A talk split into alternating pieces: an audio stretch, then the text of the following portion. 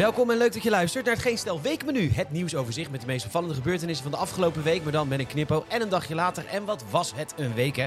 Fransje op bezoek bij Lientje. Pink taxing is echt wel heel erg hoor. En btw-verlaging op sperma. Mijn naam is Peter Bouwman en dit is het nieuws van week 15.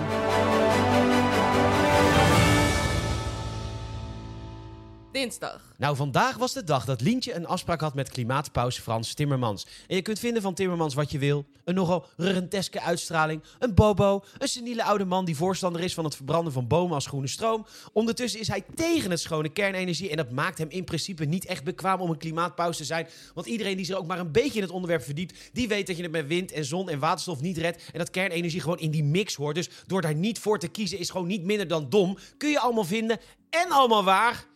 Maar politiek snapt de beste man wel. Want hij vindt de alternatieve plannen voor de Nederlandse natuur van BBB en Ja21 een oprechte poging. Dus niet direct D66'en uitsluiten en uh, het sprookjes noemen. Nee, gewoon luisteren en zien hoe je elkaar kunt helpen en nader tot elkaar kunt komen. Twee verschillende machten, twee hele verschillende partijen, toch proberen eruit te komen. Het lijkt potdomme wel een nieuwe bestuurscultuur.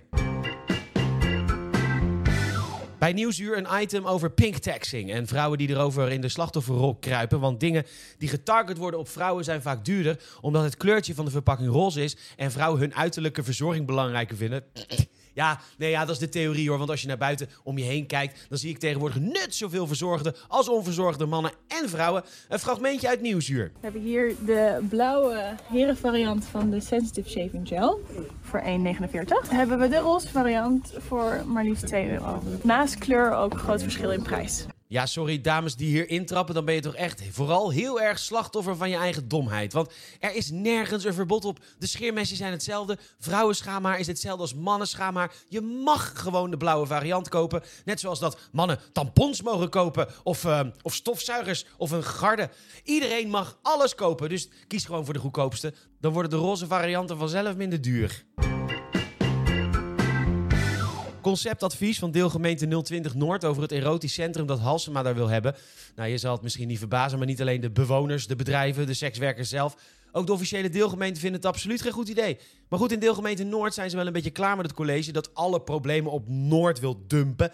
Want de roomblanke GroenLinks-bewoners van Eiburg willen geen windmolens. Want dan krijgen de kindertjes kanker van. Hoppa, mag op Noord. Wat stikstof is voor Nederland, is het erotische centrum voor de hoofdstad.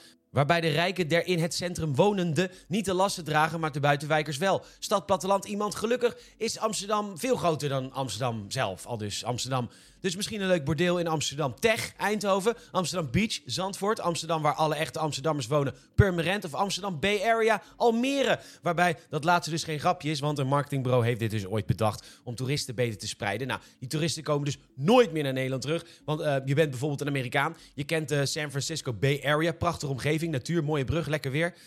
En dan kom je in Amsterdam Bay Area een stuk zand onder een snelweg. Yes, I had a little bit more of expect, honey.